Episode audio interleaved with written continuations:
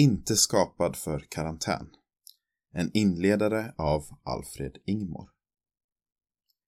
På ett forum läste jag nyligen någon som skämtade om att svenskar i coronakarantän äntligen får leva så som de innerst inne vill. Isolerade i hemmet, avskilda från social kontakt och med influencers, dataspel och tv-serier som enda sällskap.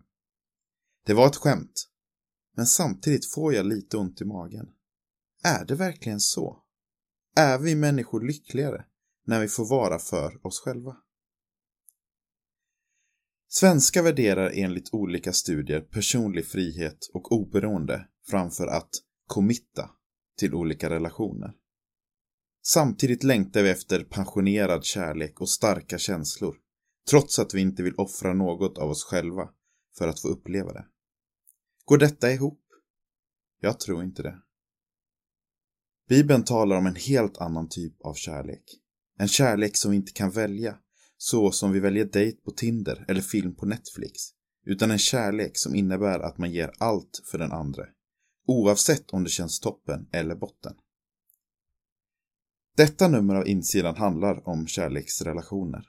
I tidningens olika artiklar kan du läsa mer om vad Guds tanke med våra kärleksrelationer egentligen är och hur vi kan leva efter den tanken.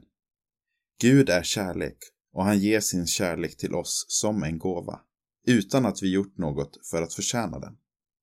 Samma kärlek kan vi ge vidare och på så sätt visa att vi inte alls mår bättre ensamma i karantän, utan när vi lever i nära relationer och älskar dem i vår närhet. Vi ber.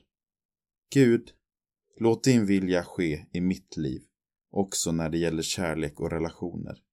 Led mig i allt och lär mig att älska som du gör.